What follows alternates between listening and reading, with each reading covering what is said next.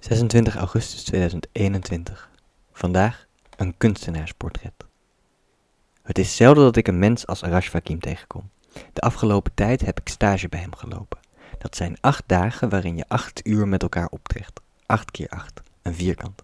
En die vierkanten zijn hard nodig om een kader te maken. Een kader waarin men kan fungeren. Waarin men iets kan raken, iets over men kan zeggen. En ik hoop dat door mijn tijd met Arash iets over hem te kunnen zeggen wat raakt, wat van waarde is. Maar toch merk ik dat dat moeilijk is. Arash is een complex mens. De dingen die ik de lezer kan verschaffen, zullen slechts indicaties zijn. Rotsen die uit de zee omhoog torenen, terwijl het reeds onbekend is wat er in de diepte van de oceaan beneden voor onderstromen vloeien. En als ik Arash denk, dan denk ik aan zijn atelier. De twee zijn onafscheidelijk met elkaar verbonden. Arash is thuis of hij is daar. En als hij niet daar, in zijn atelier is, zijn zijn gedachten daar wel. El Grotto noemde hij het eens triomfantelijk. Toen Arash het atelier kreeg, deelde hij dit met een andere jongen. En toen corona ons raakte, heeft Arash het hele geheel eigen gemaakt. De jongen verdween. En zo ziet het atelier er ook uit. Overal hangen werken. Alles is naar zijn hand gezet. Men treedt de ruimte binnen en wordt overspoeld door een golf van sentiment, popcultuur en dromen. Als surrealistisch schilderij schetst deze ruimte een eigen wereld, die het parallel schetst tegenover de rest van het bestaan. Arash heeft zijn eigen droom geschetst. Ooit schreef er een jongen over het atelier van Arash. Ik heb het vrij vertaald en het leest als volgt. Als ik de ruimte betreed, is het alsof ik in de jungle stap. De droom vloeit over en ik zie werelden verder weg dan deze aarde. De werelden openen zich als bloemen, vervagen en worden weggewassen met de golven waarop de volgende wereld zich aandient. Als ik de ruimte uitstap, ben ik alles vergeten wat ik heb gezien. Ik kan er niet over vertellen. Zeer empathisch. De verhalen rijken als grasscheuten door de muren van zijn burcht. Een van de dagen vertel ik hem over een bekende zwerver in Tilburg, waar ik heb gewoond. Sentje is zijn bijnaam. Toen ik voor het eerst in Tilburg kwam, uh, kwam deze man wel eens op het terras. En hij repte dan een liedje voor je, vergezeld door een beat uit een kleine speaker die hij met zich meedroeg. In ruil voor een centje. Door de jaren heen is zijn conditie echter erg achteruit gegaan. Het gerep vervormde door overmatig drugsgebruik in een gegorgel. De man kon niets anders uitbrengen dan de woorden centje, centje. En Ras hoorde het verhaal aan. Hij kijkt bedroefd. Deze verhalen raakten mij tot in de diepste man. Ik weet niet hoe ik me hiertoe moet verhouden. Het maakt me verdrietig. En ik geloof hem. Er is niets in hem dat oneerlijk is.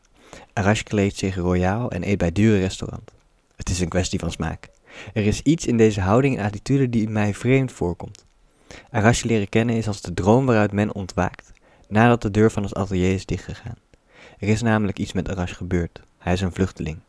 Toen wij eens op het terras zaten, vroeg Arash aan mij: Weet je op welke leeftijd ik volwassen ben geworden? Toen ik acht was. Toen ik acht was, was ik al achttien.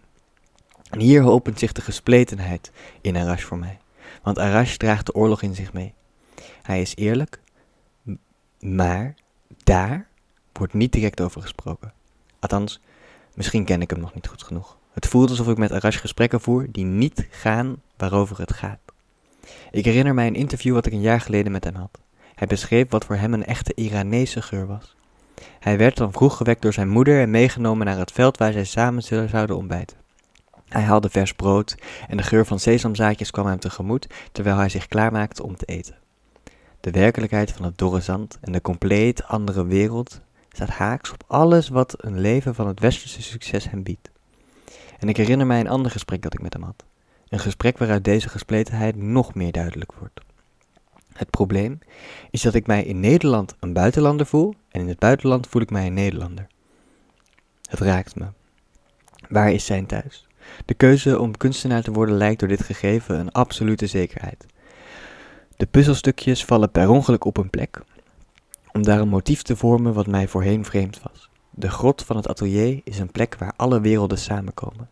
Een plek waar de tijd, de verscheuring die bij de oorlog meegegeven wordt, ongedaan gemaakt wordt. Arash laat mij op de laatste dag een patroon zien. In zijn werk gebruikt hij bepaalde Iranese bloemenmotieven. Hij stelt deze weer te willen toe-eigenen. En de grot openbaart zich nu in volledigheid.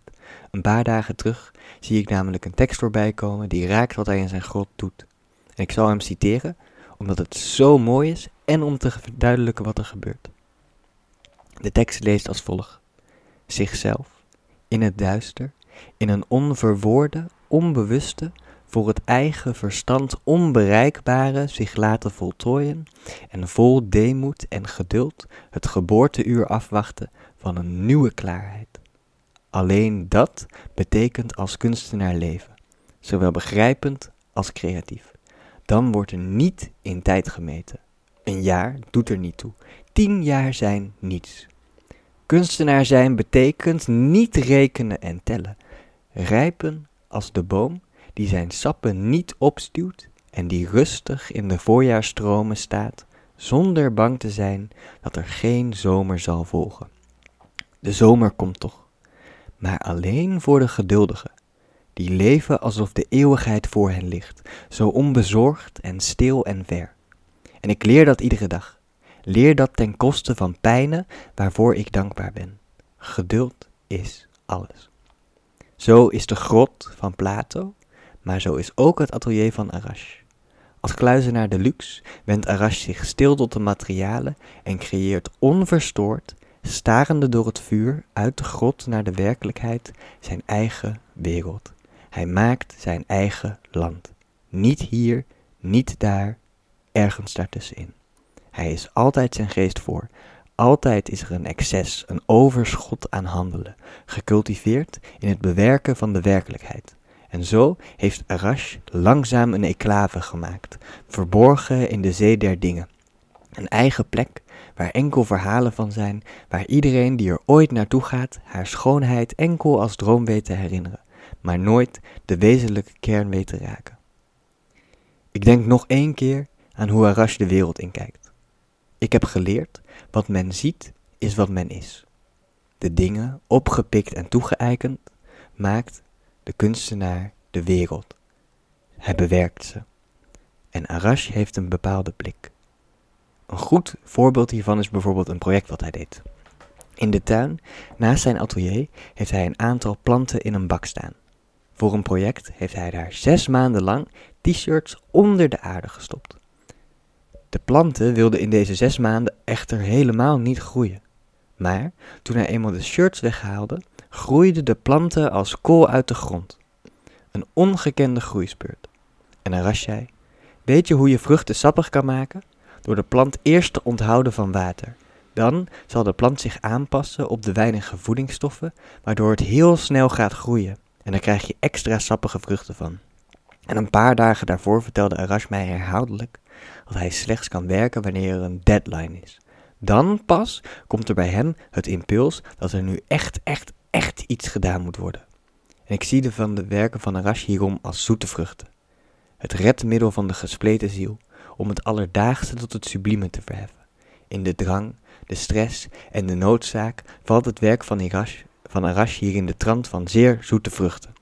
Vruchten waar de buitenwereld in de ontmoeting van kan proeven, en waarna er een zoete smaak op de tong achterblijft, als enige aandenken aan iets wat de toeschouwer niet kent. Arash je bent een mooi mens.